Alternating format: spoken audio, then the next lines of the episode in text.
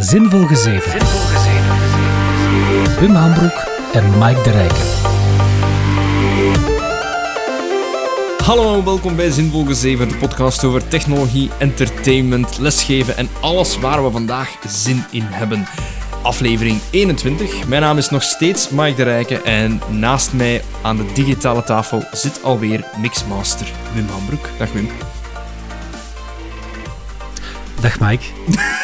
Ik had gelezen dat, dat als er in een, in een Zoom of in een Skype-gesprek 1,2 seconden pauze valt, dat dat de persoon aan de andere kant direct meer zo onvriendelijk en afstandelijker doet lijken. Dus vind, vind je mij nu onvriendelijk en afstandelijk? Ik vond dat van het begin al, dus ik weet niet wat, er- wat er eigenlijk veranderd is. Ah, ja, ah nee. ja, oké. Dan, ja, Dit is ook wat ze noemen een, een eh, a pregnant pause. Dus een geladen stilte. Inderdaad, ja. Dat is eigenlijk zo in, in de podcast dat ik luister, is dat zo een running joke. En dat, zo, dat ze zo soms gewoon in het midden van hun zin. And today we have. got, got you there, got you there. He's looking at his phone right now. The doofus. Next. zo van. Het is wel inderdaad, als er zo, als er zo gewoon een pauze valt in, in een podcast of op de radio en er is stilte, dan denk je meteen van, er is iets mis, Er er is- iets mis, er is iets uitgevallen. Mijn, mijn koptelefoon werd niet meer. Maar ja, bon, met dat jij alles in de montage gegooid, gaan wij dat niet hebben. Hè. Op Clara noemen ze dat ook wel eens de, de heilige stilte. Heilige Want stilte. Bij, ik weet niet of er veel Clara-luisteraars in ons publiek zitten, maar het, het is vrij klassiek. Als je zo'n klassiek stuk hebt gespeeld, hè, dan omdat je moet dat heel even zo ja, laten nazinderen. Dus dat gaat dan zo naar die laatste noot.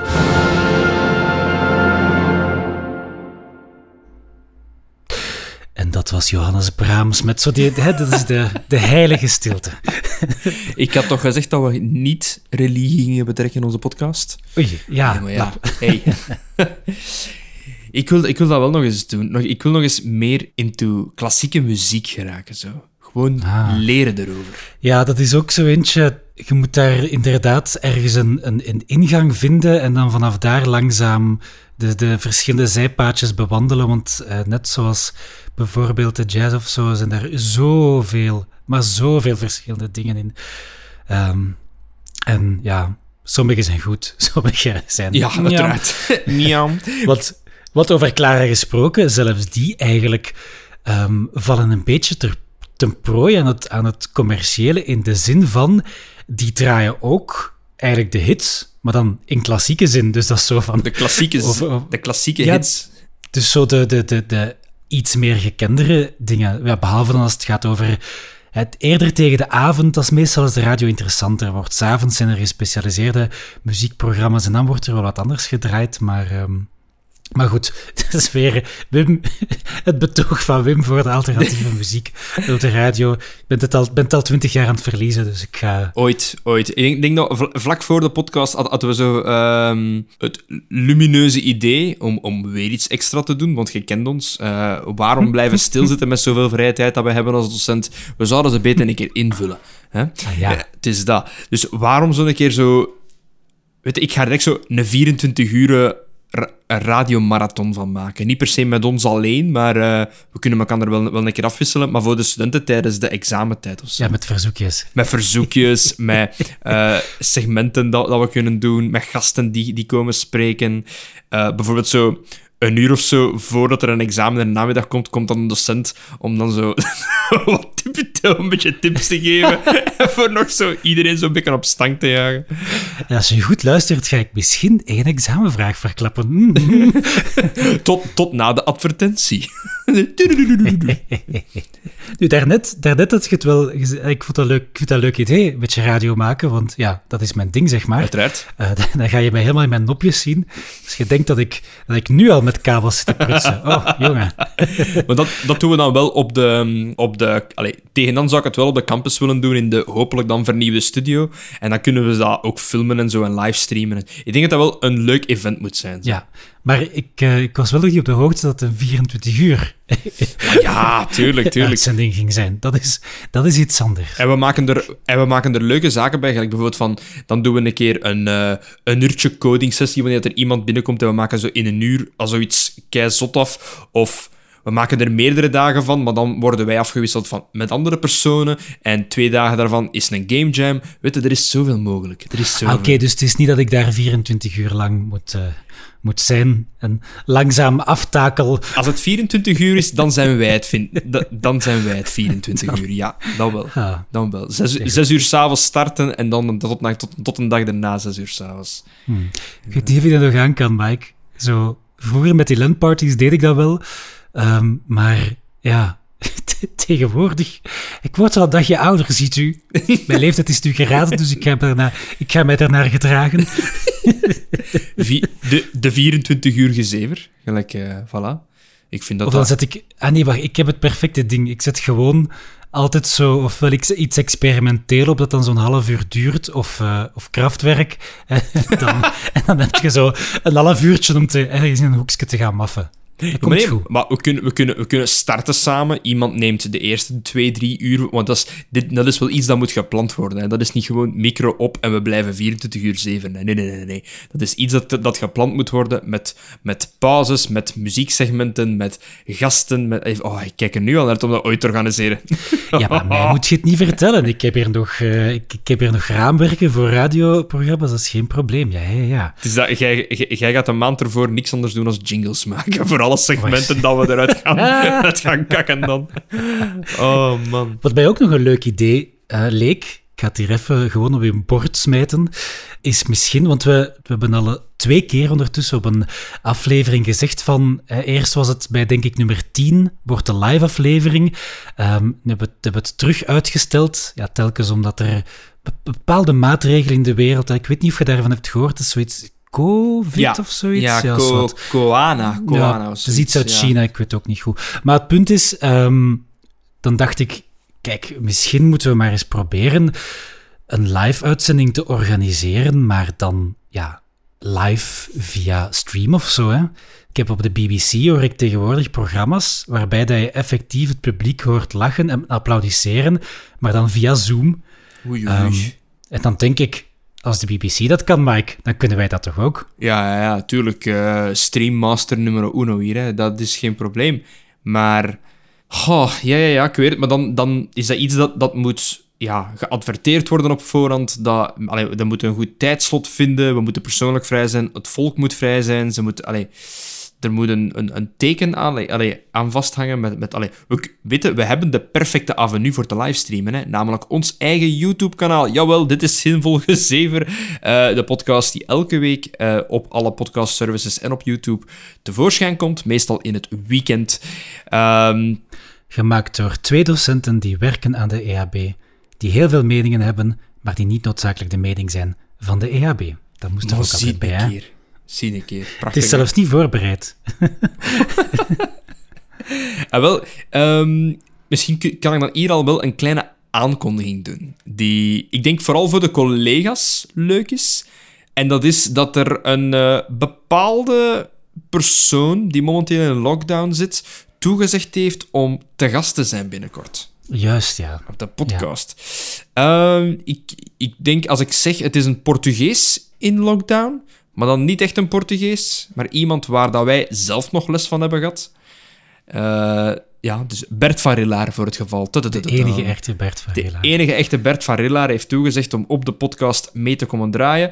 Uh, binnen een tweetal weekjes. Dus belangrijk voor alle collega's die nu luisteren, of zelfs studenten die ooit nog les van hem hebben gehad. Dan zit je hier toch al lang, denk ik, want het is wel al, al even weg.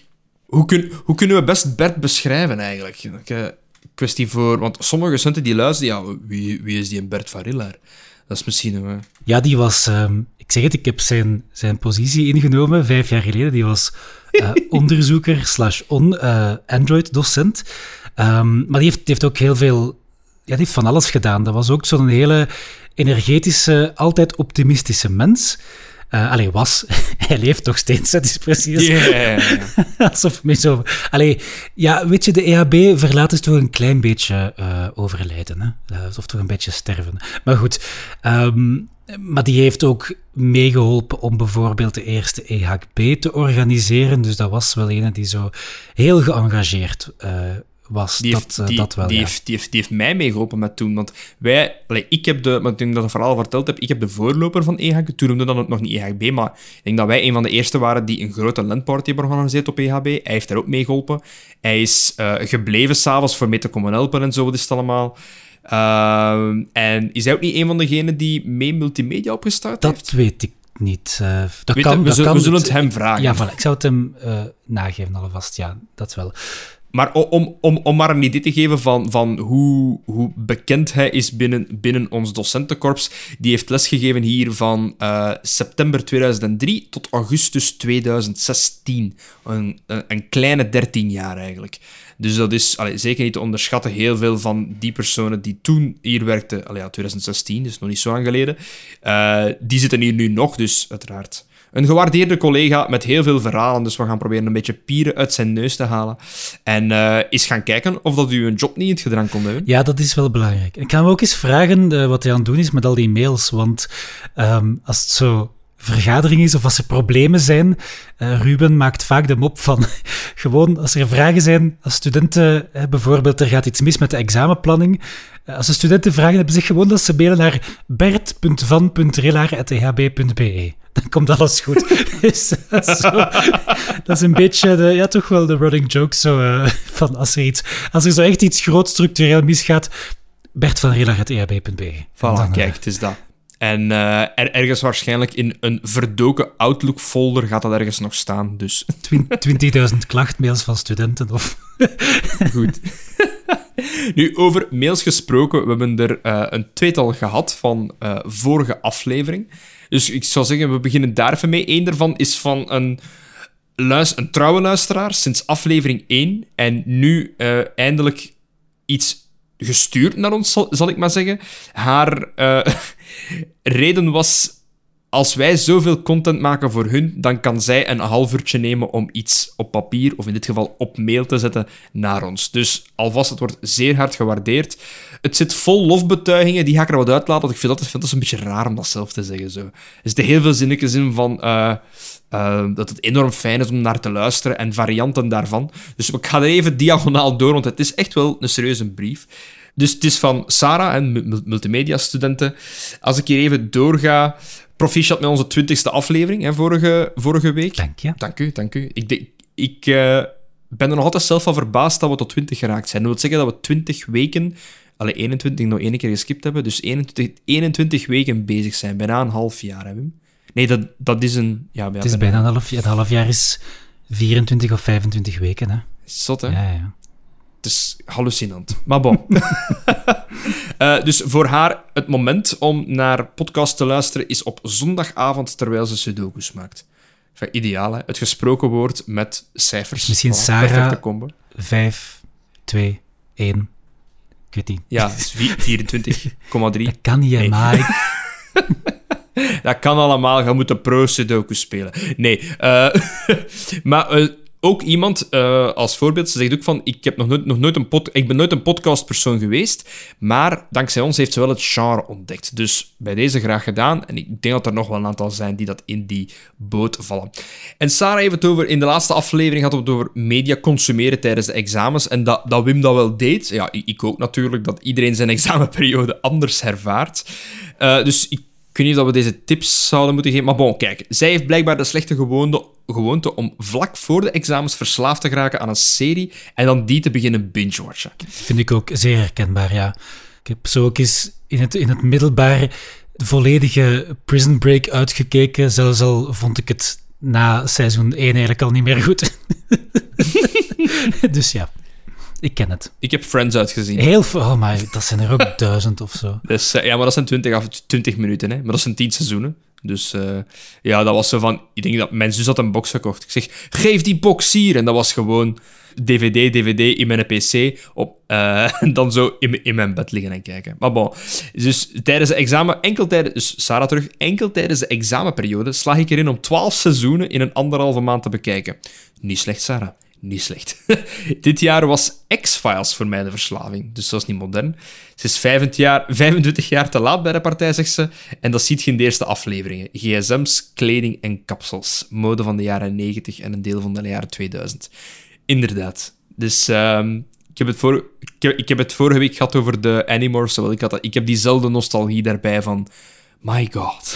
Ja, en ik moet zeggen, anderhalve maand is ook wel echt een prestatie, want die X-Files, ik heb ze hier ook liggen. Het is eigenlijk straf dat dat nog niet aan bod is gekomen, want naast Star Trek is dat ook wel ja, toch een van mijn uh, uh, reeksen waar ik toch wel serieus fan van ben. Ik heb nog nooit niet gezien. Ik, ja, het is, het is tof. Ik heb het, ik heb het nooit gekeken toen het... Ik, ik ben al... Ik, ik, herinner me nog dat het op tv was toen, uh, in de jaren 90 inderdaad, de 2000. ik heb daar eigenlijk niet echt naar gekeken toen het op tv was, maar dat zat zo altijd, dat is een van die dingen dat zo op een van die vele lijstjes stond van dat wil ik ooit nog wel eens zien.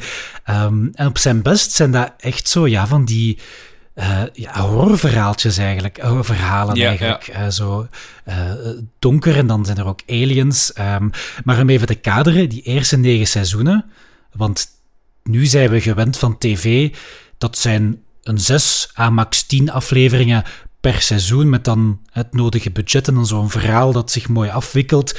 Maar toen, uh, tv, dat uh, waren gewoon per seizoen 24 of 25 afleveringen.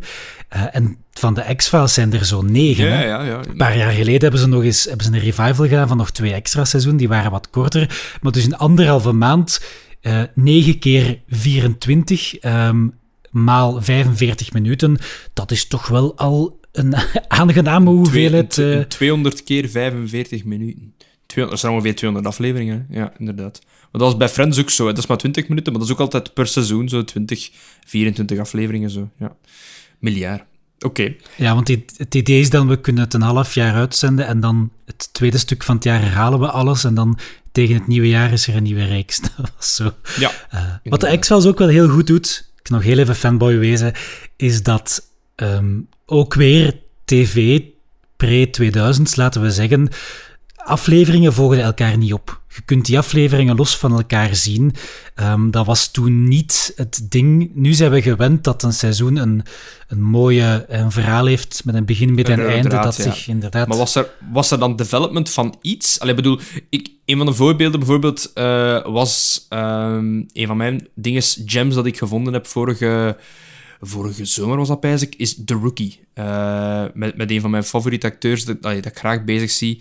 Die van Castle, die van Firefly. Kom aan, zeg zijn naam. Nathan Fillion. Nathan Fillion, ja, ik vind die geweldig. Dat je Firefly zei, wist ik het. Ja, Firefly, oh my gosh. Dat, dat, is, dat is voor een andere podcast. Maar, ja, ja. Um, maar, maar inderdaad, dat is ook zo van... Je hebt allemaal aparte... Dus allee, hij is de oudste flik, dat begint altijd zo case-by-case -case basis. Maar er zit er elke aflevering komt er iets meer te weten van ofwel zijn persoonlijk leven of van de, de, de nevenspelers hun persoonlijk leven, waardoor dat je altijd meer en meer geïnvesteerd hebt in de karakters. Is dat bij X-Files ook zo? In principe ja, um, maar wat de X-Files doet is, omdat, zoals ik zeg, reeksen toen, eind van de aflevering was het verhaal gedaan, de volgende aflevering is alles terug bij het oude.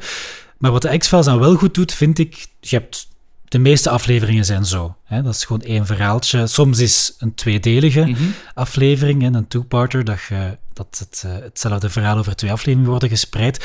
Maar dan heb je ook een aantal afleveringen die eigenlijk inderdaad soort het grote overkoepelende verhaal uh, behandelen. Het, ook het grote, het grote complot van um, het zijn aliens, Nee, het was de overheid. Nee, het waren de aliens in samenwerking met de overheid. Of de overheid is aliens. Uh, they're, they're all lizard men. ja, dus... Okay. Um, ja. Nee, maar ik, ik vind het... Uh, ja, het, is, uh, het is wel... Ik denk wel dat de moeite waard is. Er zit wat, wat derry tussen, maar ja, dat is, dat is eigen aan het feit dat die schrijvers 24 afleveringen per jaar er moesten uitpersen. maar er zijn er ook wel echt veel goede. Ja, inderdaad. Nu, nu uh, ze gaat verder en zegt ook van, ja, tabletop RPG's, dus ook iets waarover dat we, dat we hebben gehad, uh, heeft ze recent interesse in, maar dankzij corona zegt daar een stokje voor. Uh, dat is inderdaad juist. Ik heb... Vorig jaar heb ik voor het goede doel zo een, een, een tweetal sessies geveild. Eén ervan voor een andere student. Ik heb die altijd niet kunnen houden vanwege corona. Dus inderdaad, ik wacht ook nog altijd op die zaken te doen met een aantal studenten. Ze zegt zelf, digitaal leek mij dan niet hetzelfde en een groep vinden al helemaal niet gemakkelijk. Hopelijk kan ik als het leven weer normaal wordt ergens een groep bijeenrapen om het toch eens te proberen. En dan welke zouden jullie aanraden voor beginners in het genre, maar niet per se, en dat is een heel goeie, op vlak van bordspellen of, of RPG's. Dus ik ga ervan uit dat ze een keer een aantal bordspellen gespeeld heeft en dat ze een RPG hier en daar speelt. Dus ze weet wat dat een mana potion en een health potion en wat experience en health betekent. Nu, ehm, sowieso, ik denk dat, dat als er iets is wat D&D goed doet, dat is onboarding. Ehm, die hebben denk in der tijd, ik heb het verhaal al verteld, wij zijn gestart met een starterkit. Ze hebben recent die starterkit opgekuist en vernieuwd. Dus er is nu een starterkit uit, waar alles in zit om te starten. Grappig genoeg, ja. Maar ook, en ook heel belangrijk, aan een heel schappelijke prijs. Ehm, de starterkit van D&D, ik denk dat dat rond de 30 euro is. Daar zit zowel de basisregels in, in het kort. Er zitten geen extra grote boeken bij. Daar zitten character sheets in. Daar zit uh, het ver een verhaal in dat je kunt spelen. Ik denk, wij hebben met ons verhaal van de starterkit van, van, de starterkit van toen, uh, hebben wij denk ik twee jaar gespeeld. Ah ja, oké. Okay. Uh, rekening houdend, ja, wij waren ouders met, met kinderen allemaal. Dus wij kwamen samen één, max twee keer per maand. Als je met jongeren bent en je maakt daar iets wekelijks van, gaat het natuurlijk iets sneller, akkoord. Maar je zet er wel even zoet mee. En met zo'n kit van, van 30 euro, waarin eigenlijk alles wat samen zit, kun je toch echt wel goed starten. En blijkbaar het verhaal er nu in zit, is veel beter dan hetgeen van vorige keer. Dus ik zal de link in de show notes plaatsen voor D&D. Nu, ik heb ook de boek meegekregen van Pim. Pim heeft mij de het, het boek meegegeven van Vampire the Masquerade. Dat lijkt me toch iets meer daunting dan D&D, moet ik wel toegeven. Ik ben er al een keer rustig doorgebladerd. Oeh, dat is... Uh, ja, dat is een klepper. Dus ja, ik zou zeggen, als je wilt starten met de tabletop RPG's, sowieso, ik denk de starterkit van D&D zeer goed. En dan vanaf de starterkit, zeg maar, uh, kan ik u bepaalde boeken aanraden. Nu, de beste introductie van een tabletop RPG, en hier mijn eigen kunsten, is... Uh... Ja, want ik, ik, ik, blijf erbij, dat hebben we de vorige week ook gezegd, aan D&D, daar, daar plakt zo nog altijd een beetje zo... Ja, ik weet niet, daar plakt een stigma aan. Want ik, ik, ik, zo die starterkit lijkt mij enorm tof, maar ik weet nu, als ik naar mijn vriendengroep kom, van... Ik heb iets heel leuk, een, een, een spelletje... Um, het is, het is, het is, het is een starterkit voor Dungeons and Dragons. Dan, dan, ik kan me de blikken nu al inbeelden van... Wim, nu ben je te ver gegaan. Die vreemde bordspellen met duizenden regels tot daar aan toe. Maar toch geen Dungeons and Dragons, zeker. Maar dat is, ja, dat is ook gewoon om, om, om, omdat ze het niet kennen. Hè. Ik, ik heb het ook met... Ik heb aan u een starter, een starter sessie gegeven van, van D&D. Samen met uh, Geert Coulombier, Geert Coulombier, Peter Dix. Wie was daar nog bij? Katrien Middag. Uh, Katrien Middag, inderdaad. Dus ik denk, Sarah, dat de beste manier om D&D te starten, of überhaupt is te kijken of het voor u is, um, en zonder dat je zelf alle regels moet leren, is gewoon iemand vragen dat het kent en is DM'd voor u. En dus die op één avond, uh, of, of een namiddag, whatever, zeg maar, u door een one-shot loopt. Een one-shot, een verhaal dat start en eindigt op die dag. Ik heb, er, ik heb er zo een dat ik al regelmatig gebruik. Ik verfijn die af en toe een beetje. Dus moest ik de kans krijgen om op campus nog eens een one-shot te doen, laat het mij, allez, dan zal ik het zeker laten weten. Ik vermoed dat er nog wel studenten zijn die interesse hebben. En eens dat je het zo wel weet en de basis hebt, dan is het dan nu. Hè. Je, vraagt studenten samen of ga je in je eigen vriendenkring kijken buiten de school. En, ja. De groep samen krijgen is wel het moeilijkste, vind ik. Ga niet te groot. Dat is een tip dat ik u geef. Ik denk vijf man, inclusief de Dungeon Master, is meer dan voldoende. Dan heb je niet te veel planningsproblemen. ik heb een campagne die ik run met zeven man. En allemaal hebben ze kinderen. Oh, dat is echt een ramp om samen te komen. Dat is echt... Ja, om dan verder te gaan op de mail. Dus als we inpikken dan op muziek. Muziek luisteren terwijl je codeert, leest of schrijft is een talent apart. Dank u, dank u. Ik vind het altijd leuk als mensen, als, als mensen mijn talenten erkennen. ja, wat heet, ja. Maar jij, luistert ook muziek, toch, als je Ja, ja, ja. Uh, meestal wel, behalve als het dan inderdaad wat, wat complexer wordt en ik me echt wil, wil concentreren van ik moet dit stukje algoritme of SQL er toch uh, even uitkrijgen. Um, en dan kan ik mij ook herkennen in wat ze schrijft. Van, uh, um, als ik het probeer, heb ik meestal een moment waar ik mij plots besef dat de muziek al een uur geleden gestopt is, omdat de playlist afgelopen is en dat ik het gewoon niet gemerkt had. Dat, uh, dat gebeurt ook wel, inderdaad. Als je zo geconcentreerd bezig bent, dan ineens van, tja, ik, uh, er, ik heb hier een hoofdtelefoon op, maar het is hier verbazend stil eigenlijk. mijn oren hebben warm en ik weet niet waarom. en dan dat is wel een leuke natuurlijk. En dan nog een klein vraagje, omdat de verhalen altijd het leukste zijn om naar te luisteren. Afla, kijk. Hebben jullie huisdieren of huisdieren gehad? Wat was de soort? Wat is hun naam? Heb je leuke of grappige herinneringen? Ehm, ik ga u laten starten, want dat van mij eindigt heel grimmig. We gaan, we gaan die bij Oké mij. dan. Begint jij maar. Ja, de meeste huisdieren, dieren- huisdieren sterven natuurlijk op het einde. Ehm, ik, eh, ik heb wel een aantal huisdieren gehad als kind, inderdaad. Ik denk dat we begonnen zijn... ehm, ik weet niet meer wat eerst was. Ofwel konijntjes ofwel goudvissen. Eh, De meest eh, standaard starterkit. Dat is Tuurlijk, de, tuurlijk. de starterkit van huisdieren. Een goudvis. Ja, ja, ja dat- er is ook niet veel aan. Je, je doet daar wat poeder in en dan eh, moet je dat water vervangen. Dat was wel altijd ehm, ja, een, een avontuur om dat, dat, dat water te vervangen. Want ik denk dat Mai dat weet. Ik ben soms nog wel eens wat een klunzig persoon. Dan net een... Dus ehm, ja, nee, wat ik deed is, ehm, ik, ik pakte de, de, de bak waar dat ze in zaten, dat was zo'n plastic doorzichtige vierkant eigenlijk, ehm, waar die in zaten, en dan draagde ik dat naar de keuken, of droeg ik dat naar de keuken, om ze dan eigenlijk, ja, om dat uit te gieten, maar heel Ah, vaak, Je voelt hem wel komen, pakte ik het vast en dan clash, die bak op de grond, die vissen over de vloer. Also, ik in paniek, mijn moeder, ah, dan met de pollepel achter die vissen aan het scheppen. Met de bollepel Ah, dus- pak dat dan gewoon vast. Dus, man. Dat was toch altijd, allee, altijd fun in huis. Als ik, eh, als ik die... Inderdaad, achteraf gezien had ik ze er ook gewoon kunnen uitzeven. Maar dan nog, dan sprongen die soms weg en dan lagen ze ook weer op de vloer. En dan was het ook weer... eh, dus dat, dolkomisch, dolkomisch. Dus vi- Ehm. Vissen en... eh, wat wat was dan daar weer? Vis en? Ik had dan twee konijntjes die ehm, de, laten we toch wel de origineelste namen ter wereld hadden, namelijk Witje en Zwartje. Uiteraard. Eh, je mag drie keer raden welke kleur dat ze hadden. Ehm, en die, die zaten eh, ja, in de tuin in een kooi, maar daar hebben we ook eigenlijk van alles mee voor gehad. Dat breekt uit, hè. Waren het reuzen? Ja, eh, ehm, nee, het waren dwergkonijntjes, effectief.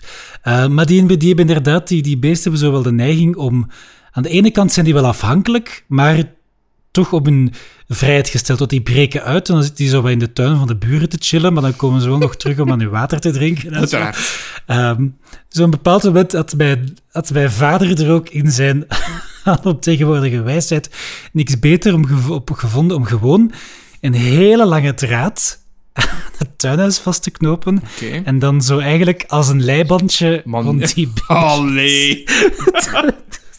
Zeg mij dat, dat, dat eh, dit verhaal goed eindigt. ik, ik verzin dit niet. eh.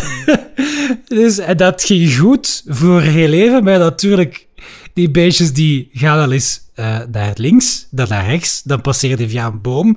Die draad gaat mee Ah, via die boom, dus ja, Allee. uiteraard, die, die hadden zich na een tijd vastgewandeld eh, en hebben ze die toch moeten bevrijden. En uiteindelijk zijn we erop gekomen, hebben eigenlijk gewoon een, omheining gemaakt eh, rond de voorkant van het tuinhuis. En dan konden ze eigenlijk daar ehm, op het gras en dan ook, dan konden ze graven onder het tuinhuis. Want konijnen maken graag ook holen ondergronds. Ehm, dus daar, daar zit nog altijd eigenlijk een burcht, want zo heet dat. Eh, het, het hol van een konijn is een burcht. Ik weet dat, want ik heb daar een spreekbeurt over And then you have to call them Lord Bunny. Lord Bunny! Lord and Mrs. Bunny residing. Ehm, dus ja, daar, daar, daar liggen nog altijd van die verborgen gangetjes. Eh, dat dat tuinhuis nooit is ingestort is ook een klein mirakel. Ehm, maar goed. Ik denk dat ik ook nog een hamster heb gehad. Eh, daarvan ben ik de naam vergeten. Ehm, Dat is en allemaal tijdens je jeugd een- trouwens. Tijdens... Ja, ja, ja, dat is allemaal inderdaad tijdens de jeugd. En dan ehm, twee katten. Eh, ja, de eerste is relatief vroeg overleden. En dan de tweede hebben we eh, heel lang gehad. Ehm, maar op een bepaald moment, met dat ik dan verhuisd was en mijn broer ook uit huis was, ehm, ja, dan had mijn mama geen zin meer en hebben wij die kat geadopteerd aan de buren. Ehm, wat wel fijn is, want die leeft nu bij de buren, maar af en toe Passeert komt hij dan zo nog eens op bezoek en, En, komt hij welke ras? zeggen. En welke ras? Eh, Of een stra straatkatten? Een stratje, ja, gewoon. eh. Een stratier. ik ga er een Franse naam aan geven. Le, le, Dat klinkt dan goed, hè? Le Chat Rue. Een straatkat, zeg. Oh. Le Chatru. inderdaad, inderdaad. Ehm. Maar ik had er wel een goede verstandhouding mee, want die luisterde naar mij. Ik weet dat je katten niet kunt africhten, maar die luisterde wel, want ehm, ik, eh, als ze dan zo met een muisje afkwam van kijk, ik heb wat eten voor u verzameld, dan had ik ze toch al zo ver kunnen brengen als ik, eh, dat ze het vlak voor de deur eh, liet liggen. Dus niet naar binnen. Ja, dan zei ik vriendelijk dank u wel en dan deed ik dat beest weg. Nee, die, die, die luisterde wel. Allee, tot op zekere hoogte, want ja, we weten allemaal, katten zijn een beetje psychopaten. Dus Yup, uiteindelijk sowieso. doen die hun eigen ding. Ehm, Maar dus, eh, ja. we hebben... eh, ik ga even samenvatten, hè. Katten en goudvis. Dan Ja, katten en een hamster. yes. En hamsternaam? Eh, de hamster weet ik niet meer wat die heette. Het is de meneer hamster, oké. Ja. En dan de, de twee katten. Oké. De katten heten allebei Mingai en dat zou kat moeten zijn in het Filipijns. Ah ja. Want de, eerste, hè, Mingai 1, ehm, was van een Vers- nest... eh, versie 1.0. Ja, inderdaad. Dat was van een nest katjes van ehm, een Filipijnse die we, ja, die we kenden. Dus vandaar. Mooi. En wel, ik heb eigenlijk het omgekeerde. Allee, buiten, als ik heel, heel jong was, ehm, heeft mijn grootvader ooit een keer parkieten gedumpt bij, bij mijn ouders, waardoor dat ik par- twee parkieten had, maar die zijn heel snel naar de veranda verhuisd, omdat nobody liked them. Dat is echt zo... Constant fluitend, fluitend. Ja, dat maakt lawaai. Ja. Ah, dat was echt irritant. Maar bon, ik heb eigenlijk tijdens mijn hele jeugd geen enkel huisdier gehad. En jeugd tot als ik... eh, mijn, mijn eerste huisdier heb ik gehad of heb ik gekocht als ik 1 of 22 was. Dus als ik voor de eerste keer verhuisd was. En wat denkt ze dat mijn eerste huisdier was? Ik zat op een appartement. Wat denkt ze dat mijn eerste huisdier was? Mogen een keer Ik raden? ging zeggen hond, maar als het appartement was, dan Nee. zal het vast iets anders zijn geweest. Nee, Ehm, kat ook niet. Het is geen gewoon huisdier. een fret. Nee. Ik dacht, ik eh, probeer eens iets anders. Nee, het heeft wel klauwen. Ja, nee, blanco. Pas. Pas.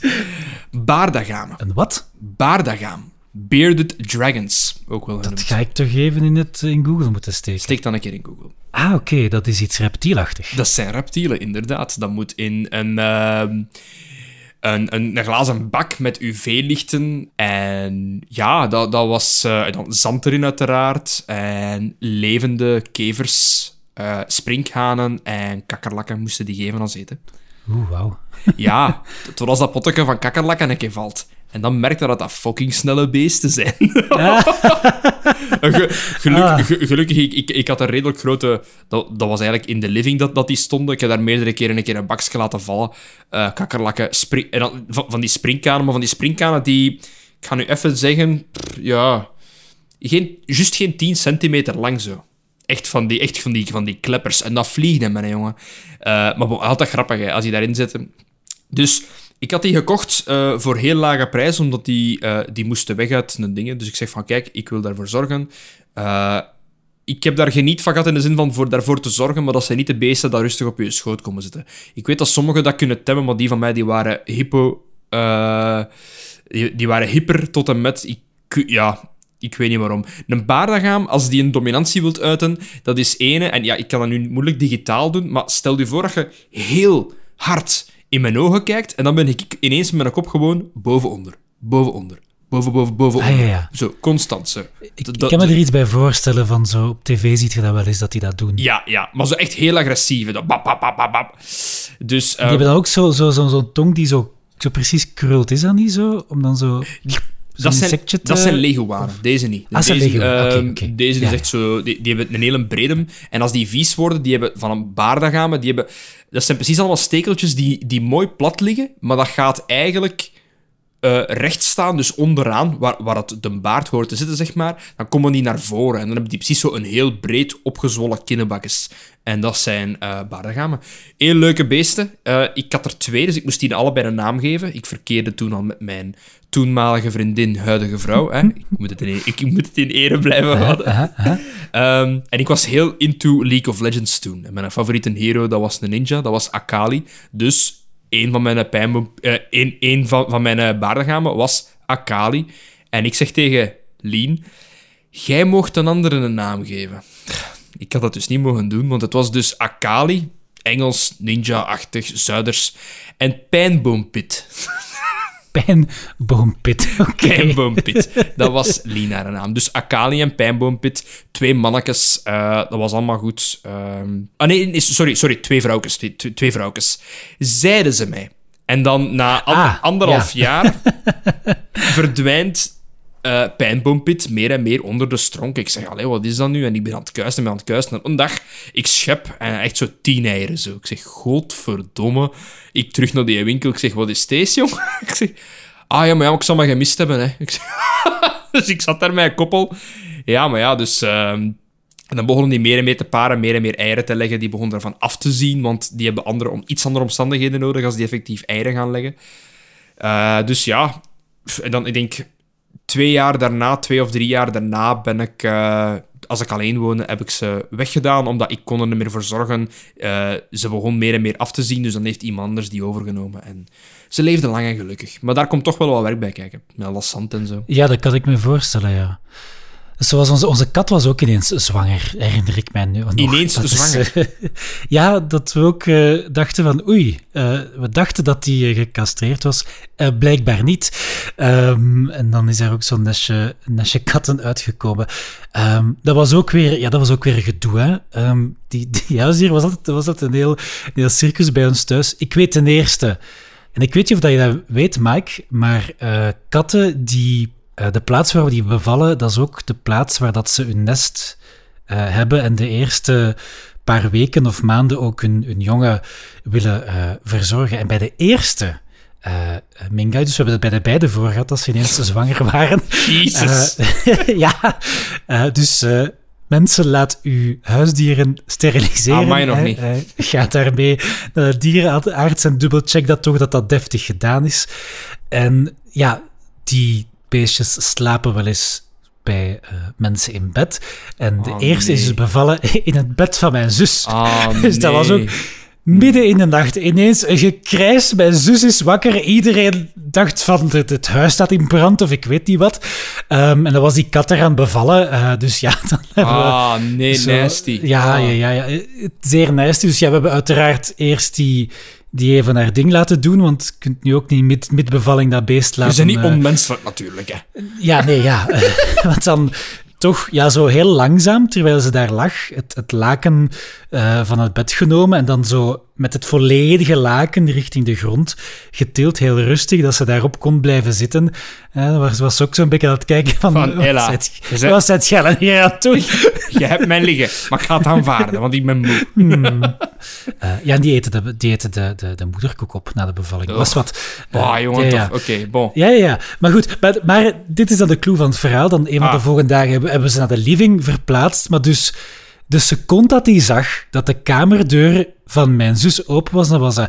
Hup, zo, hap, hè, die, die, die kindjes bij het, het nekvel, want zo, zo dragen ze die rond. En dan eh, altijd zo naar dat bed van mijn zus aan het brengen. Dus dat is toch echt dat heeft weken geduurd. Zalig. Want eh, dat, want die wist, die wist die, die, die moest zo, ja, vanuit haar instinct waarschijnlijk, die wilde die kindjes daar leggen, terug in dat bed, terwijl die perfect goed nestje en zo beneden hadden. Dus dat was, ja, eh Hambroek versus de kat. Ambro versus de kat. Wel, ik heb die baardengamen weggedaan. En ik denk eh, een, een half jaar later is Lien bij mij komen wonen. En mijn eh, verjaardagscadeau voor haar was... Ik dacht van, het was toch wel leeg binnen in, in huis. Eh, was effectief een kat. Eh, dus zij is altijd een kattenmens geweest bij haar ouders, maar die, die was al heel lang overleden. Dus ik heb eh, een Brits korthaar, dat was hetzelfde als dat zij had toen, heb ik dan gekocht. En ja, dus dat was met dat die zo agressief was in het begin. Allee, agressief. Dat was zo heel speels, altijd klauwen uit. En we waren toen eh, heel vaak aan het kijken, of we, we hadden juist eh, Dexter achter de rug, de, de, de, de serie over de serie Moordenaar. Dus het is Dexter geworden, dus Dexter, de, de Brits korthaar. Heel levendig in het begin, uiteindelijk een hele dikke kat geworden. Eh, loom tot en met. van ik doe klet mijn goesting, op tafel gaan staan, hand tegen het glas en naar u kijken, wachten tot als je zijn ogen kijkt en dan het glas van tafel duwen. Echt waar. het is echt, echt Oeh. een klote kat, maar allee, bon, toch wel een Allee, ja, kat. wederom, ik had die van ons afgetraind, af, afgetraind. Dat heeft wel even geduurd. niet op de tafel. Oh ja, nee, nee Ja, dat, tij- dat werkte niet Maar tijdens het eten kwam die wel zo aan tafel zitten. Dus die pakte de vrije stoel en dan zag je zo twee pootjes en een kop zo boven die tafel steken. Nee. van, kan, kan ik hier nog iets eh, scoren? Van, van, vanaf het moment dat mijn rug gedraaid was, dan was dat trek op tafel. Kijk, kijk, kijk, kijk, kijk. Hap, en dan van tafel eraf. En als, als ze zag dat ze niet snel genoeg was, dan duwde ze gewoon iets van tafel dat, dat, dat, omvervalde. Omdat ze wist dat ik dan tijd ging nodig hebben voor dat op te kuisen. En dat ze me dus toch Ja, nog ja, kon ja. pikken. Nee, het was... die- Je ja. had, eh, ja, je had de, de, de volledige psychopaat. Ja, ja, ik had echt wel de, de psychopaat. Ehm, dus dat was 2000, ehm, eh, 2013. eh, augustus, denk mei of zo, whatever.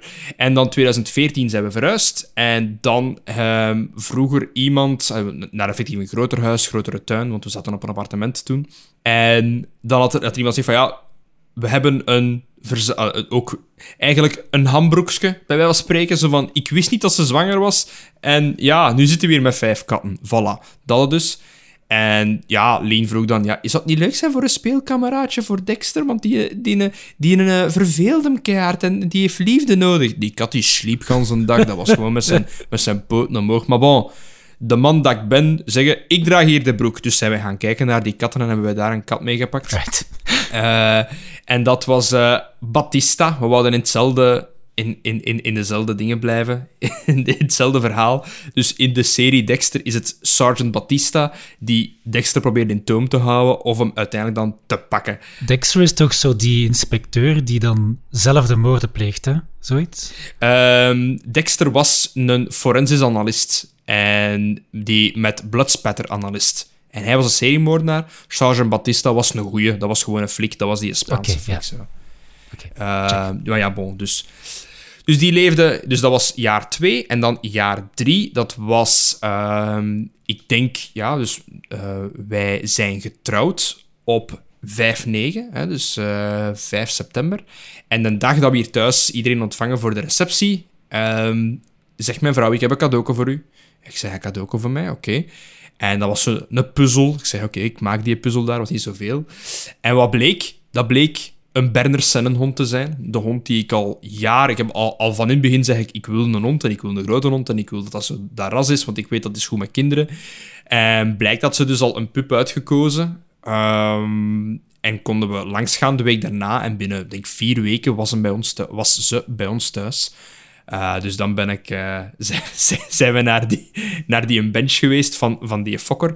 En ja, er waren er nog, nog twee over. En die doet daar dat poortje open. En ik zweer het u, als je ooit iets schattig wilt zien, dan is het 15 Berner Sennen pups die allemaal over uw voeten komen gelopen en u proberen te omver te duwen. Zalig. En er was één hond die in mijn, in mijn, in mijn schoen aan het bijten was. Die was... En dat was degene die nog vrij was, inclusief een andere die maar aan het ronddartelen was. Ik zei, ik wilde deze. En dat, was dan, eh, dat is dan Olivia geworden. Dus Olivia, die is dan bij ons eh, gekomen. En om daar een verhaal aan vast te knopen, denk ik de eerste nacht of de eerste week, zeg maar. Het was herfstvakantie toen, dacht ik, of zoiets. Of ik was thuis, ik weet niet meer waarom. Eh, ja, in, in de veranda. In, zeg van, kijk, we konden het niet over ons hart krijgen voor de bench, zeg maar, in te steken. Dus ik steek ze in de veranda. Geen probleem. Nu, Wim, wat heb je meestal aan de buitenkant van je huis, als je een, een, een echt stadshuis hebt en een oud huis, een kraantje voor water? Ah ja, ja. Eh, maar niet, niet zo'n kraantje dat je moet draaien, maar zo met zo'n zo, zo, een rode hendel dat je zo 90 graden draait. Dan is dat grat open en dan terug 90 graden en terug dicht. Dus, bon, hond blijft in dingen, niet bij nagepijst. Een pup van, ja, echt super schattig. Ik, ja, hoeveel zou dat gewogen hebben? Ik denk 15 kilo of zo. Ehm, ik, wij gaan gaan slapen. Ik kom beneden. Vanuit de living zie ik eh, is er een ruit naar de veranda en die is volledig bedoemd. Dus eh, ver- eh, be- verdampt, bedampt, whatever. Aangedampt, ja, ja. aange- aangeslagen, hè. En ik zo van, tja, wat was dat? En ik hoor zo... Ik zeg, wat is dat? Ik doe die deur open van, dan, ja, de, van, van, de, van de keuken. Ik moet echt zo het hoekje om. De keukendeur doe ik open. Ik kijk in die veranda. Die staat volledig blank. En die een hond zit gewoon volledig nat over zijn toeren, kei blij, want we hadden ze dicht aan, dat, dat, dat, dat ze niet buiten konden lopen. Dus alles stond blank. En dan dachten we, ja, oké, dat wordt even dweilen. Waren het niet, Wim, dat er van die veranda, er is daar zo een klein kruipgat naar de kelder. Gelijk in de oude tijd gaven ze daar de patatten door. Hè? Ja, gezellig. Ja, ik ga... Ik zeg van, oké, ik sluit die kraan. En dan hoor ik zo... Precies dat je zo een fles water leeggiet in een emmer. Ik zeg, ik hoor dat nog zo ergens druipen. Ik zeg, maar, wat, wat was dat nu? En ik realiseer me dat gat. Ik doe die deur dicht, ik ga naar dat dingen en ik zweer het u, tot boven mijn knieën, allee, donc juist niet tot aan mijn kruis was het water gestegen op twee centimeter van de stekkerdozen. Oh dear. ik zo van, ah, fuck. Ik heb mijn vader gebeld. Pa, dompelpomp, nu. dus die is met een dompelpomp afgekomen. En we de hele dag nog mogen kuisen. Oh man, dat was... Maar bon. Dus dat zijn mijn huisdieren eigenlijk. Olivia, de hond, de Bender hond uh, en dan twee katten. En dan komt het nu bij het grimmige gedeelte van het verhaal. Ik heb nu geen enkel uh, meer. Dus rekening houden dat ik ze alle drie had in 2015. En nu heb ik geen enkel meer. Dus Olivia is overleden in april, nou ja, nog geen vijf jaar geworden, aan een ziekte, een, een hele um, gevoelige darmziekte. Die kon geen vetten verdragen. Dus alles waar er ook maar een greintje vet of iets van dingen in zat, uh, dan kreeg die enorme darmloop en uh, waar haar darmen direct ontstoken, zodat hij geen vitamine opnam. Dus die verzwakte ziende ogen, dat is een jojo-verhaal geweest vanaf haar twee jaar tot vier en half. Zeker niet geholpen uh, met onze seniele, achterlijke buurvrouw. En ja, als het hoort, dat mag van mij, maakt helemaal niks uit. Die bleef eten geven. Dus je moet nu inbeelden dat je thuis huisdieren hebt. Je zegt van, kijk, die is ziek, stop met die eten te geven. En dat s'avonds om tien uur, ik zit op mijn bureau op tweede verdiep. Als ik door mijn ruit kijk, zie ik de, de oprit van de buurvrouw. En ik zie heel rustig een licht aangaan. Ik zie ze kijken op de gelijkvloers of wij nog wakker zijn. En dan heel snel eten geven aan de hond. En dat was midden in de periode dat die op speciale voeding stond. Dat ik daar elke maand mee naar de dierenarts bijna moest. Man, maar dan, dan krijg je het toch... Dan wordt dat is straf, dat ze zelf zo kijkt, dat is dan toch echt al moedwillig gewoon. Dat ah ja, nee, nee, nee. Het was, het, was, het was echt bewust. Het is echt heel lang ook bewust geweest. En ze kost... Ja, ze kreeg... En dan ik van, ja, veel dingen proberen doen. Ik ga er niet, niet te veel over uitweiden, maar bon, zolang ze er geen vergif in steekt in het eten, kon ik niks doen bij de politie. Dus ik, maar, want je moet rekening houden, het heeft twee jaar geduurd, hè twee jaar. Het laatste half jaar heeft, niks, heeft ze niks meer gegeven, maar dan is die hond zodanig afgetakeld uh, dat we haar moeten hebben laten inslapen. En ik denk van alles in mijn leven dat dat het moeilijkste moment was dat ik ooit heb meegemaakt. Van, ik heb nog nooit iemand... Allee, ja, ik heb al mensen verloren in mijn leven, akkoord, maar nog nooit iemand die zo dagdagelijks bij u is geweest, die op je schoot heeft gelegen, die dat je mee helpt. Allee, ik ben daarmee naar die school geweest en zo. En dat beest laten inslapen, makker. Ik, ja, daar ben ik echt niet goed van geweest. Dat was, ja. Dat is altijd spijtig aan huisdieren. Je hebt er heel veel geniet aan, maar die leven per definitie niet langer dan u. Maar ja, het is natuurlijk wel extra erg als het onder die omstandigheden... Um... De, de, de omstandigheden. hè, de omstandigheden van, die, is, die is niet gestorven aan ouderdom. Dat kun je daar zo aan voorbereiden. Maar die, allez, ze zag er op de duur niet meer uit. Dus we hebben haar moeten de laatste week we hadden al de beslissing genomen, maar die is op de laatste week zodanig afgetakeld. Ik heb die moeten dragen naar de auto, want die, die kon nog amper op haar benen staan omdat ze haar eigen gewicht meer kon ondersteunen. Die had geen vitamine meer in haar lichaam. was zeer, zeer triestig om te zien. En elke keer als ze mij zag, dat was dat gewoon... Ik wil gewoon op je schoot liggen en laat me hier gewoon rustig liggen. Er zat niks van fitness meer in. Dus ja. Maar bon, dan, dus dat was april vorig jaar, 2020. Vandaar uit 2020 echt een topjaar. Uh, en dan zijn we... Dus mijn zoon, om daar even over, over te gaan, die is, uh, een jaar en al, uh, die is een jaar geworden in augustus. En sinds, zes, sinds dat hij zes maand was, is die eigenlijk af en aan constant snottervallingen, uh, ziek, niet genoeg aankomen. Dus allee, dat is ook zo een heel spel geweest. Blijkt dat hij allergisch was aan katten. Ah, uh, de tweede okay. graad. gaat er een aantal graden bij. Ik dacht dat je ja. ging zeggen, blijkt dat die buurvrouw dus midden in de nacht...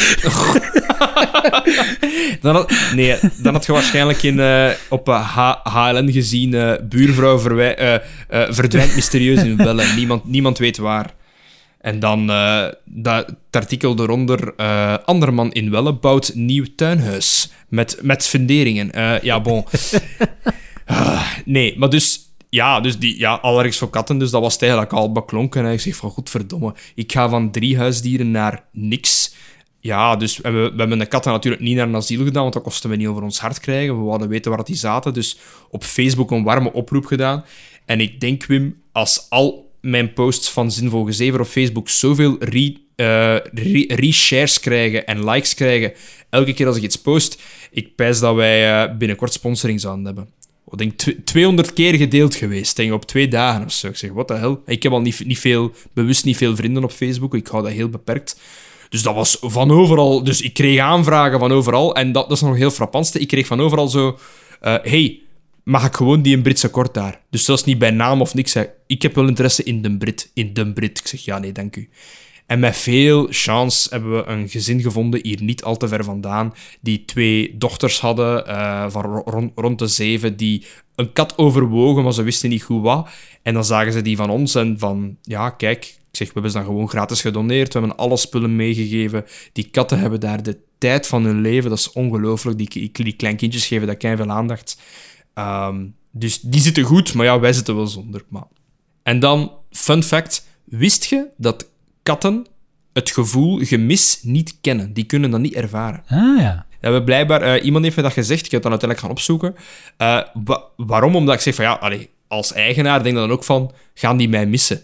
Het antwoord is nee. dus ze zijn echt wel, ze zijn echt wel de psychopaat zoals je zou denken. Ehm, en eh, ja, dus, dus die, die hebben daar twee dagen een beetje hun, hun, hun, hun weg gezocht. En dan denk ik, na, na een week kregen we een foto van de vader die in slaap was gevallen op de zetel. En allebei lagen ze mooi opgerold. Ene op de buik, ene op de benen, waren ze daar in slaap gevallen. En kopjes geven aan de kinderen, dus die zitten daar perfect. Dus ik ben super blij voor die katten. Ja, maar ja, is, dat weet, als, je, als je weet dat ze goed terecht zijn. Het is wel waar, een kat die, die blijft bij u omdat je die eten geeft. Hè. Dat, is wel, daar komt het eigenlijk wel op neer, ja. Eh, dat is waar. Ja, die, die, die, die zochten wel heel veel affectie, die van ons. Van vanaf het moment dat je maar zit in de zetel, dan stond een deksel al beneden aan je voeten.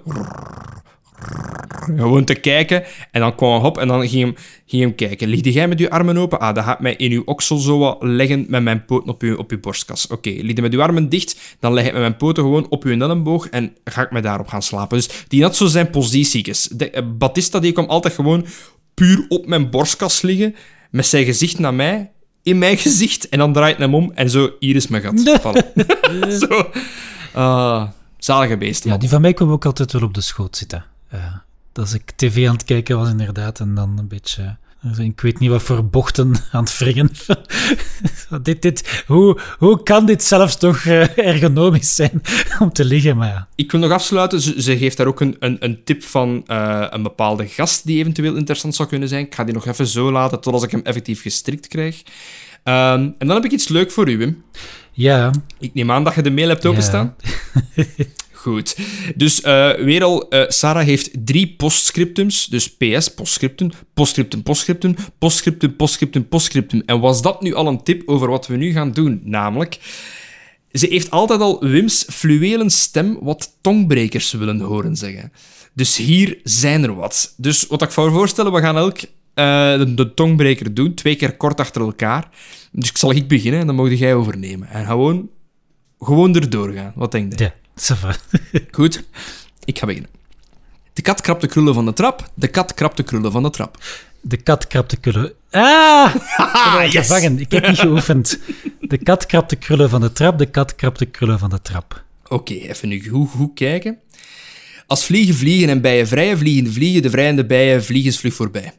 Als vliegen vliegen en bijen vrijen, vliegen de vliegen, de vrijende bijen vliegen vlug voorbij. Als vliegen vliegen en bijen vrijen, vliegen de vliegende... Wacht, ik ben... Vliegende, vliegende, vrijende bijen vliegen... Maar die, die zin klopt toch gewoon niet? Dan Vliegen vliegen, de de vliegen. vliegen, de vrijende bijen vliegen zich voorbij. Als vliegen vliegen en bijen vrijen, vliegen de vliegen de vrijende bijen vliegensvlug voorbij. Oké, oké. Oké. Sorry, ik moest er even... Oké, en de laatste is een hele Maar bekende. ik begin, ik, halverwege die zin begon ik hem zo te analyseren van waarover gaat dit? Wat is dit allemaal? Vrijende bijen. Jesus. Oké, bon. De laatste is een hele bekende. De post... ik moest even Ja. lachen. Wacht, seconde, seconde. Oké. De postkoetskoetsier poetst de postkoets met postkoetspoets op een postkoetspoetsdoek. De postkoetskoetsier poetst de postkoets postkoetspoets op een postkoetspoetsdoek. Sorry. Het is... eh, Ja, maar ik ken, hem, ik ken hem in de vorm van de poetsier poetst de postkoets met postkoetspoets, maar dit is een uitgebreide versie. Ja, maar Sarah gooit, gooit af en toe zo'n keer zo'n een kwinkslag zo. Hij zei van, haha, ik ga gaan hebben. In ieder geval, de postkoetskoetsier poetst de postkoets met postkoetspoets op een postkoetspoetsdoek. Met postkoets... Ah ja, oké, op die manier. De postkoetskoetsier poetst de postkoets met postkoetspoets op een postkoetspoetsdoek. Nice. Ja, zeg. Bij deze wens ingewilligd. Dat, dat doet mij denken aan die, eh, aan die dictielessen op het rit, dat je ook zo van die tongbrekers moest... eh, dat is wel heel goed om je, om je mond op te warmen, dus daar hadden we eigenlijk mee moeten beginnen. Nu, Voilà. nu zijn we helemaal zo... klaar om pittig parmantig te praten. Ah, voilà. En wel, in het vervolg, uw volgende intro moet dan een tongtwister zijn. Hè? Oké. Goed, het was een hele eh, boterham. Nu, wat we van Sarah wel niet weten, sociale media op het toilet, ja of nee? Dat is wel nog een belangrijke. Ah ja, ja inderdaad. Ja, dat moeten we Sarah, wel- dus, eh, Ik heb al van tien, verschillende... tien paragrafen mail, maar de belangrijkste vraag is niet beantwoord. ik, heb al, ik heb al van verschillende eh, vrienden gehoord van... eh, ja, toiletmoment is een rustmoment. Dus inclusief sociale media of whatever dat je dan aan het lezen bent. Dus Jullie zijn allemaal gestoord. dat is niet waar. De tweede mail is van Rembrandt. Trouwens, Sarah dat zich excuseert voor de grote laps tekst, dat is helemaal niet erg. Hè? Ah, nee, nee, nee, nee. nee. Hoe meer, hoe liever. We hebben er gelijk de helft van de podcast mee gevuld. Dus. Als deze podcast over tien afleveringen enkel wijs die mails lezen, ik heb daar absoluut geen probleem mee eigenlijk. Maar het, het is op die manier dat je verhalen uitlokt die... Allee, die je anders niet... Ga, allee, bedoel, ik ga niet over mijn huisdieren beginnen, over een random Nee, aflevering. ik had er dus ook in, in jaren al niet meer aan gedacht, aan, die, aan al die beesten. kijk. Deze. Nu, Rembrandt heeft ook nog een mailtje gestuurd. Ehm, hij geeft toe dat het een heel moeilijke opgave is om één favoriet gezelschap eh, spel te kiezen. Hij raadt ook wel Seven Wonders aan voor mensen zonder boardgame ervaring. En die kan ik alleen maar getuigen. Ik heb de twee-player versie, Seven Wonders Duel. Super om gewoon, als je een spelletje nodig hebt, dat om met uw partner te spelen, bijvoorbeeld. Dus Seven Wonders Duel, aanrader voor met uw partner te spelen thuis. En Seven Wonders, ik denk dat dat ook vanaf drie spelers is voor eenders welke beginnende eh, speler. Ja, inderdaad, ik heb het ook hier liggen. Er is ook zelfs een twee-speler-modus bij. Ah ja, Eh, maar dan moet je zo'n derde neutrale staat eigenlijk ehm, inroepen. Eh, zo'n virtuele derde speler. Maar het is ja, inderdaad. voilà. een- En dan uiteraard. Wim, eh, het verbaast hem niet dat uw favoriete bezigheid in Leuven op café gaan is. Dus voilà. Eh, dus pinten zullen gepakt worden wanneer die, wanneer die aangelegenheid zich voordoet. En hij blijkbaar beaamt het parkje aan de Kaboutermanstraat dat dat ook een aanrader is. Dus hij heeft 24 jaar in die buurt gewoond. Ja, dus hij ja, zal ja. wel de streek kennen. Eh, Ja. Voilà. Dus, dus inderdaad, ik moet u wel eens meenemen op café. We zullen Rembrandt dan ook uitnodigen. We zullen er meteen een heuse, zinvol gezever drink van maken. En dan misschien nog het belangrijkste. eh, en om Mike te steunen, ook weer al een postscriptum, iedereen houdt de stijl aan. Hè? Om Mike te steunen, ik scroll ook geregeld eens op Reddit of kijk een Twitch-stream terwijl ik op de wc zit. Voilà. Maar dan zit je nog langer als je gewoon Twitch zit te kijken. Ah Ja, maar ja, maar als je zo'n match aan het ik volgen bent van... ik, ik snap het niet. Dat is het, jongens. dat is het, voor, is het voordeel van... Allee, gelijk, ik denk dat we het ook nog eens moeten hebben, ook ooit, ik, dat gaat misschien nu niet zijn, over e-sports bijvoorbeeld. Mensen kijken constant... Allee, ik ken vrienden die niks anders doen dan elke weekend naar de voetbal kijken, of, of, naar, wat is dat daar, Sport Late Night, of whatever dat die programma's zijn. Maar in de tijd dat ik veel Counter-Strike speelde, dan, dan keek ik altijd, altijd naar de, de matchen van, van Counter-Strike, of ik ben nog naar de, de live performance geweest van League of Legends in het... Dat was, was dat in het Sportpaleis? Ik- of de Expo in Brussel. Dat was echt gigantisch met een goede maat van mij. Zijn we daar live gaan kijken hoe twee Europese teams overklast en overspoeld werden door Koreaanse superioriteit. Eh, wat normaal gezien twee matchen ging zijn van minstens hè, elk drie sets, bij wijze van spreken, was gedaan in twee sets elk, zijn de 2-0, 2-0 het was gedaan. Maar eh, dat is als je zoiets aan het kijken bent op uw gsm, dan, ja, dan kun je dat gewoon meepakken hè, naar boven. Is heel eenvoudig. Hè. Ja, ja, ja. Kijk, ja, jij zit dan toch aan het kijken. Je kunt toch niks missen, Wim. Oké, dan. Zever, gezever.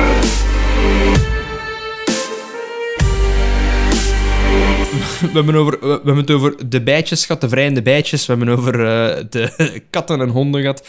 Ehm, maar Ehm, om dan verder te gaan op hetgeen wat dat... Dus Rembrandt zei, af en toe scroll ik ook eens door Reddit. En wil het nu zijn dat afgelopen week dat Reddit wel een aantal keer in het nieuws is geweest. Heb jij het gevolgd, Wim? Ja, ik heb het zelfs een beetje live gevolgd, want die... Um die avond, nacht dat dat aan het gebeuren was in Amerika, kon ik niet slapen. Dus ik heb dan, ik zag zo die eerste berichten binnenkomen, heb ik ook die Reddit eens opengezet. Um, dus inderdaad, ik heb het, ik heb het wel gevolgd. Alright, dus voor degenen die het niet weten, uh, er is wat actie geweest op de aandelenbeurs. En nu zijn er waarschijnlijk sommigen al aan, het outtunen van oh my god, gaat het over business en aandelen? Wel, het is wel een grappig verhaal, want het is eigenlijk zo power of the people versus the rich, eigenlijk zo. Dat is zo hetgeen wat dat, uh, het verhaal zich afgespeeld heeft. Dus om het even te schetsen, GameStop is een bedrijf dat momenteel niet zo goed meer draait. GameStop kun je een beetje vergelijken met ja, fysieke game, game Mania komt er het dichtst bij in de buurt, België en Nederland.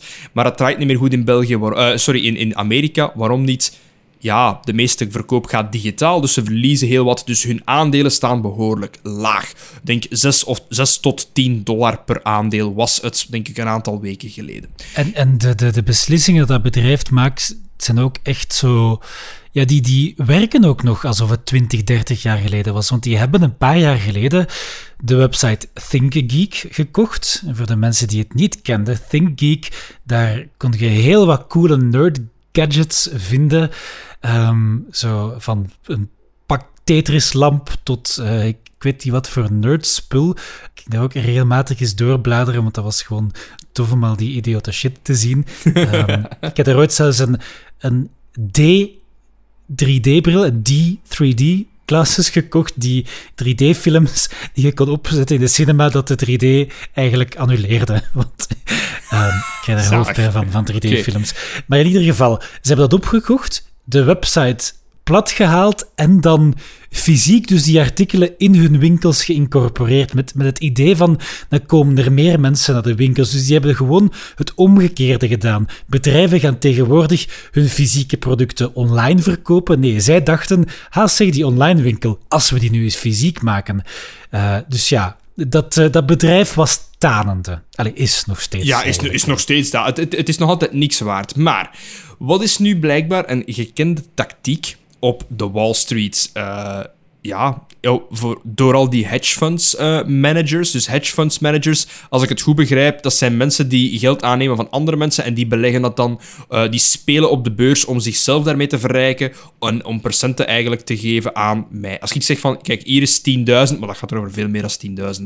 Pak nu, hier is een half miljoen. Ehm, ik wil daar een, return, een goede return of investment op zien binnen een jaar. Oké, dat is goed. En dan hebben die eigenlijk een jaar om met de half miljoen te spelen. En halen die daar, bij wijze van spreken, 2 miljoen uit. Of die halen daar 600.000 uit. Dan, ja, het percent moet, moet naar de klant. Maar hoe, meer dat ze eruit halen, hoe meer dat zij ook rijker worden.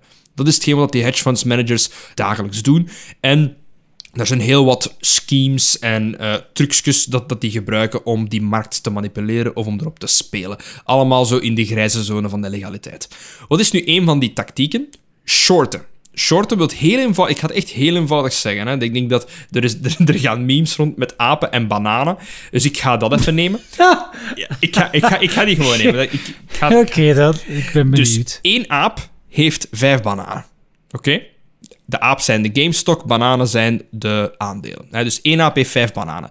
Een slang komt langs en die zegt: Ja, weet je, ik ga die vijf bananen van u lenen voor een bepaalde tijd. En die zet er, een week, die zet er zeg maar een week op. dus binnen een week krijgen die vijf bananen terug.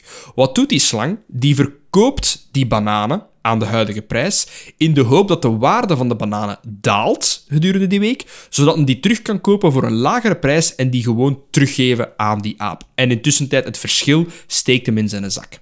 Bijvoorbeeld, hij verkoopt ze aan 10 per stuk, hij verkoopt ze voor 50 en stelt dat de waarde van de bananen, bananen daalt naar 8 per stuk, dan koopt hem er terug 5, hij geeft die terug en het verschil natuurlijk is dan 10, 10 dollar bij wijze van spreken en dat is voor de zak van de slang. Maar... Ja, en dat is ook... De, de tactiek is ook van... Door heel snel heel veel aandelen te verkopen, dan gaat bijna gegarandeerd het aandeel, de koers ook zakken. Ja, klopt. dus Het, is echt, het is echt wel een bewuste manipulatie van de koers. Heel vaak de nadelen van het bedrijf die dan inderdaad hun aandelen ziet uh, ja, in de diepere Om verder te gaan met de apen. Dus de aap zegt van, oké, dat is goed, jongen, dan mag je mijn bananen hebben. Hier, koop die maar. Die slang verkoopt die, die en die wacht, een die week. die wacht een week totdat die prijs goed genoeg zakt om een goede marge te pakken. Waren het nu niet dat er andere apen waren die die slang gezien hebben en gezegd, hele manneke, maar jij probeert hier wat trucken uit te halen met ons, zo niet, hè. En wat doen die andere apen? Die gaan alle bananen op de markt opkopen, zodat de bananen schaars worden. Zodat, je weet, zeldzaamheid, als je veel dingen opkoopt, dan wordt de prijs duurder. Er is een reden waarom dat je niet voor een euro een 24 karaat diamant kunt kopen. Die zaken zijn zeldzaam, daar kruipt veel tijd in, et cetera, et cetera. Dus bananen allemaal opgekocht door die andere apen. En die slang heeft een belofte nog aan die eerste dat hem binnen een week vijf bananen moet geven. Maar de prijs is nu gestegen, in plaats van 10, is dan naar 400 gestegen. Dus die moet vijf bananen aan 400 per stuk gaan, door, eh, gaan kopen om zijn schuld terug af te kunnen lossen. Dus die zit aan 20, eh, sorry, twee- 2000 vergeleken met 50. Dus zie je het verschil? En dat is exact wat er nu gebeurt. Dus zijnde, de slang is een hedge fund manager. Dat zijn trucken dat ze altijd, die die mannen altijd doen. En die apen waarover ik spreek, dat alles hebben opgekocht, dat zijn redditors. Dat zijn Jan en Alleman, gelijk jij en ik, die op een subreddit Wall Street Bets eigenlijk op een of andere manier heeft daar ene een rallying cry gegeven van hey, het wordt nu een keer tijd dat we die, die rijke pippo's een keer gaan ja, lastigvallen en Wall Street breken. En ze pakken op hun eigen spel. En wat hebben die gedaan? Die zijn en masse stok beginnen opkopen van Wall Street. En die prijs is inderdaad... Ik gaf gelijkaardige bedragen eruit met, met die bananen. Maar die prijs inderdaad van rond de 6 à 10. Op een bepaald punt stond die op 420 of 480. Dus ik heb hier een artikel voor mij. At one point, the Reddit users of the forum Wall Street Bet sent the stock up more, en nu goed luisteren, more than 14.300 procent. 14, dus 1 dollar wordt dan 14.300 dollar. Nee, sorry. 1 dollar wordt 143 dollar. Het is dat. Dus we willen zeggen van, als die mannen zeggen van, kijk, we gaan voor een 10.000 dollar aan stocks verkopen en binnen een week geef ik u dat terug, die aantal stocks, en ik pak het verschil, maar over veel grotere bedragen. Maar ineens is dus 14.000 maal 10.000, dat is, dat, is een, een aantal miljoen. Hè. Dat is, dat is eh, 14 miljoen. Hè. Dus ze moeten ineens 14 miljoen ophoesten voor hun ehm, waarborg zeg maar, terug te gaan innen. En dus er zijn al hedge funds fight verklaard, bankrupt gegaan, omdat ze het niet meer konden terugkopen en ze zijn volledig al hun assets moeten liquideren. Wat dat hallucinant is, wat dat mensen van Reddit hebben kunnen doen. Ik, ja, en ja, het, het heeft ook niet geholpen dat Elon Musk... Er is zo'n meme dat ze stocks, dus aandelen noemen ze stonks. Elon Musk heeft gewoon getweet GameStonk. Uitroepteken, uitroepteken, met een link naar Wall Street Bet. Wat dan nog eens voor een increase van zoveel procent heeft gezorgd. Ja, dat, dat, is, dat is ook... Eigenlijk is ook een trollen, die, die Elon Musk. Ja, dat is Die ongelooflijk, doet ook maar wel een beetje. Ja, maar die, die, die, hè, die zogenaamde hefboomfondsen, eh, dat is iets controversieel altijd geweest. Omdat inderdaad, je gaat bepaalde ehm, ja, zaken samenzetten en dan wordt er zo heel hevig op gespeculeerd. Ehm, bij mij stopt het al... Allee, het, feit dat je dingen die je zelf niet bezit, kunt gaan verkopen, daar, daar stopt het al voorbij bij mijn hoofd. Dat, denk ik van, maar dat, dat kan toch niet? Eh allee, ja. Zowat, maar inderdaad, het, het, eh, het probleem met het termijnhandelen is wel van al die mensen zitten nu met die aandelen.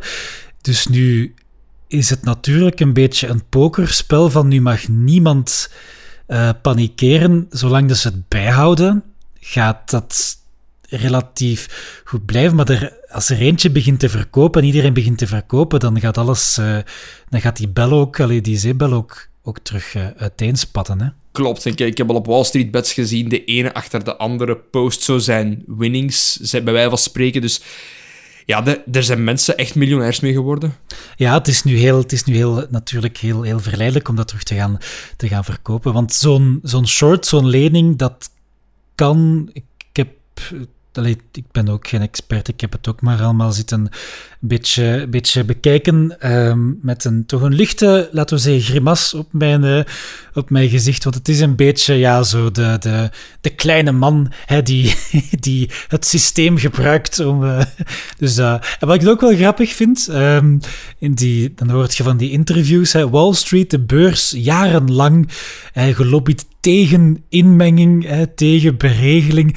En dan nu van ja, dit soort gedrag, dat zouden we toch moeten reguleren, hoor. Ja, dus dat is zo heerlijk. ah, ah ja, en nu, nu dus inderdaad um, moet de overheid er iets aan doen. En dan al die jaren... Ja, nee, ik, ben, ik, vind, ik vind sowieso goed van wat ze aan het doen zijn. Is het, is het niet voor... Uh, ik weet niet welk... Allee, ik ben echt een leek op gebied van aandelen, laat staan de beurs. Ik weet niet wat voor gevolgen dat, dat heeft voor andere zaken, maar ik denk, als er één gevolg gaat zijn, dan is het meer van... hey, kijk wat wij kunnen doen kijk wat wij kunnen doen zonder eigenlijk ons zorgen te maken over al te veel regelgevingen. Want uh, als er iets is wat niet mag op de beurs, dat weet ik wel, is het bewust manipuleren. Dus ik mag nu niet bij wijze van spreken. Allee, en masse mensen gaan beginnen opbellen van kijk, wij gaan binnen vijf dagen gaan we bewust alle aandelen gaan aankopen van dat bedrijf om die prijs omhoog te duwen. En we gaan fake news de wereld ingooien om ervoor te zorgen dat andere mensen mee op die trein springen. Met als gevolg dat je een prijs artificieel gaat omhoog gooien. Je gaat die een waarde geven die echt niet geen waarde heeft. Net zoals GameStop nu, die is uh, gevalueerd op een aantal miljoen, biljoen, zeg maar. Uh, hier, 6, 6 miljard zie ik hier. Um, ja, dat is, GameStop is zoveel niet waard, hè. Maar dat is echt exact wat ze noemen eigenlijk een pump-and-dump scheme. Je zoekt mensen om dat te pumpen. Je zorgt dat je de meute meekrijgt. Dat iedereen pijst van shit, er is iets aan het gebeuren. Ik wil mee op die trein. Dat gaat omhoog. En op het moment dat het ongeveer zijn piek bereikt heeft, gaat die georganiseerde meute alles terugverkopen op een veel hoger niveau. Waardoor je een snelle winst maakt. En dat kan allemaal in een dag of in anderhalve dag geklaard zijn. Maar dat is illegaal. Nu, het probleem is natuurlijk, maar ja, Reddit je hebt je anonimiteit mee natuurlijk, hè. Allee, op, op Reddit, iedereen heeft op Reddit een username, maar je, ik snap niet hoe dat ze dit gaan reguleren. Ja, op, op zich zeggen van ik, ik ga dit kopen op een publiek forum, dat is niet illegaal, dat is niet, dat is niet echt handelen met... Je mag niet oproepen, blijkbaar, op een publiek forum. Dat mag ook niet. Maar ja, wat is tegenwoordig een publiek forum? Maar aan de andere kant, wat, wat doen die... Allee, als die, als die beurs mensen met elkaar gaan lunchen, dan zeggen die ook wel eens van... Goh, ik eh, denk er toch aan te investeren in, uh, in dit of dat. Hè. Dus ja. Maar die, die hele beurs ook, om dan misschien een beetje het technologieaspect er ook in te brengen, dat is ook iets heel virtueels geworden. Heel veel van die aankopen en verkopen gebeuren ook automatisch. Er zijn gigantische datacenters die, dat, die daarin dus vol met computers staan die gewoon in die beurs handelen. En dan komt het er eigenlijk op neer van... Hè, um, wie heeft het efficiëntste algoritme? Welke kan het snelst beslissingen maken om te gaan kopen en verkopen? Er zijn zelfs verhalen van datacenters die dichter bij de beurs worden gebouwd om dus fysiek dichter te zijn, om toch die fractie van een milliseconde sneller de data te hebben, om dus sneller te kunnen uh, beslissen. Dus eigenlijk op een bepaald moment zijn er ook maar gewoon algoritmes tegen elkaar aan het opbieden. Dus dat is zoiets vreemd virtueels geworden, die beurs. Ik, um... Maar dus zeg jij ook dan een heel fervente cryptocurrency-owner? dan, uh... ik, heb er, ik heb daar wel even aan meegedaan. Ik heb er nog altijd een paar liggen. Uh, maar ik was daar nooit zo, zo hevig mee bezig, omdat het, ja, het blijft altijd een beetje gokken natuurlijk. Hè. Um, en ik kan, en ik kan er dan niet mee om als ik geld verlies. dus, ah, ja, okay. um, dus ik heb daar wel inderdaad wat, wat zo um, aan Ethereum en zo heb ik wel wat, wat geld verdiend. Maar ik ben dan meer van het principe van ik, ik koop er een paar en dan misschien een jaar of twee later ga ik, eens, uh, ga ik het verkopen met een beetje winst. En dan ben ik blij. Voilà, gewoon. It's the little things. Ah, ik vind, ja, toen mij nu eigenlijk, want ja, allee, dus het, het, is nog een ongoing verhaal. Momenteel zijn ze iets aan het doen wat dan noemt de short squeeze. Dus wat dat ze eigenlijk, bij van spreken, de figuurlijke beeldspraak van zij hebben de hand rond die mannen in hun nek en ze zijn aan het nijpen. En ze zijn aan het nijpen. En ze zeggen in principe, wij lossen niet. Wij houden onze stocks bij, onze aandelen bij. En jij gaat binnenkort tegen de termijn aanlopen van uw short.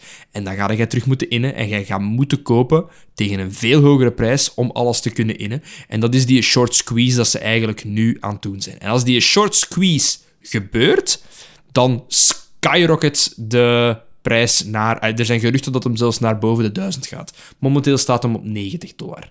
Eh, ik ben hem hier aan het volgen op 90 dollar. Dus dat zou willen zeggen... Maar hij komt, ook, hij komt ook van meer, want de laatste dagen gaat hij zo heel hard op en neer ook, had ik de indruk.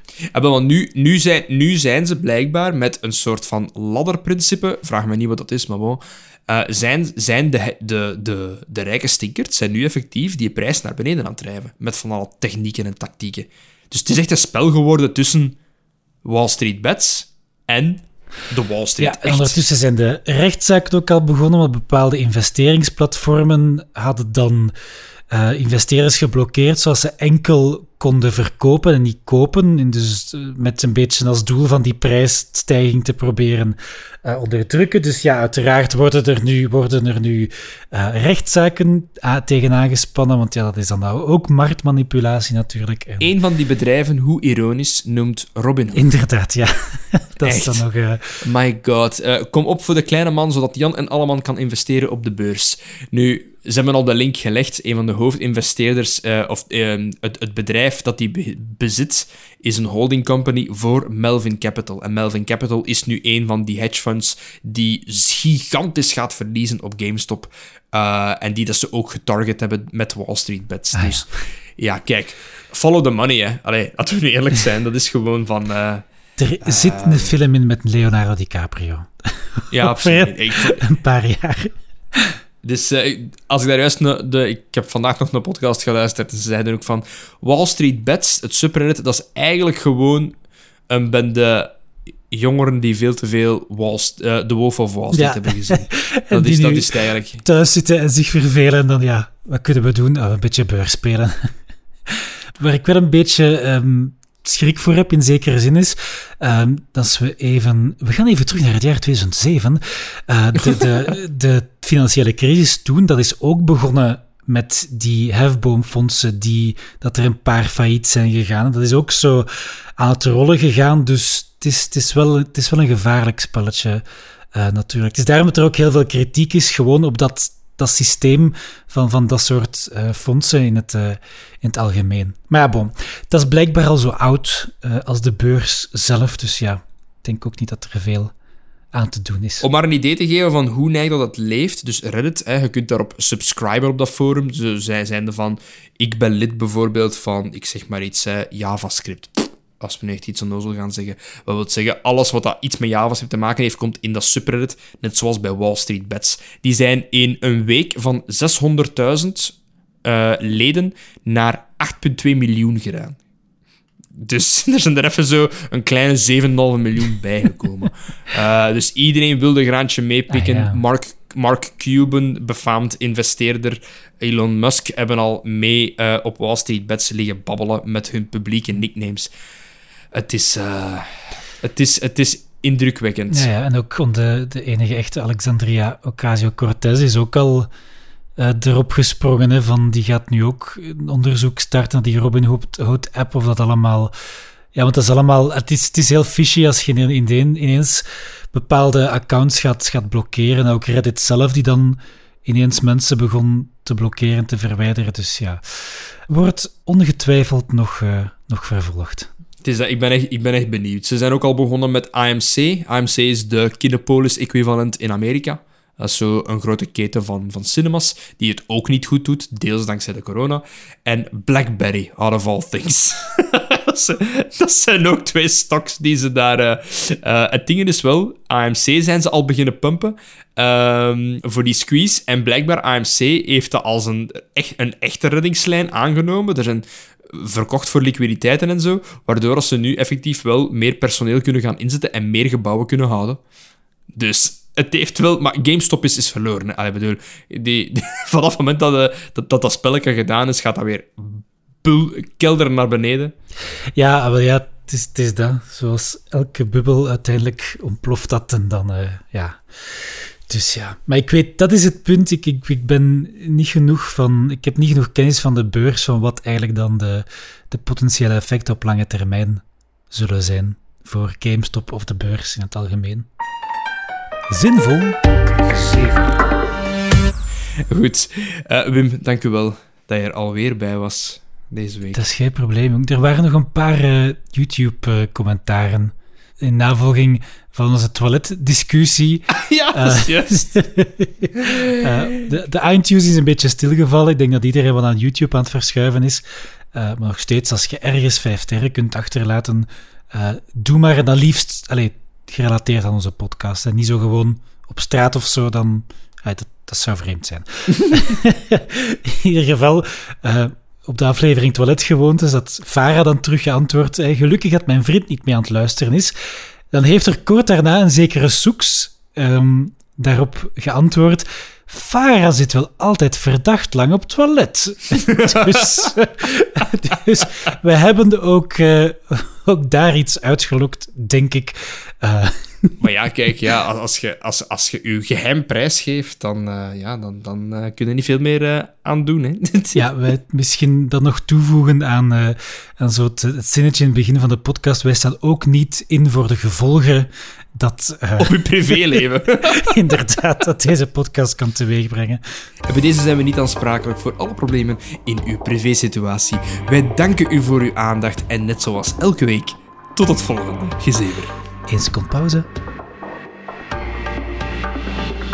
Tot gezever.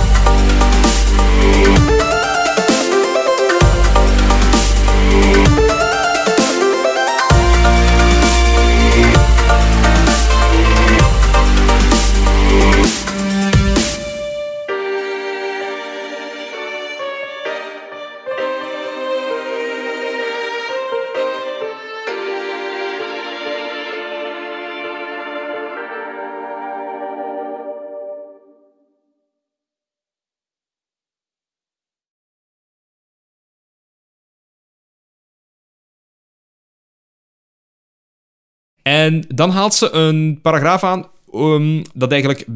Ik ga dat even hernemen, want ik ben over mijn woorden aan het struikelen, wat geen naam heeft.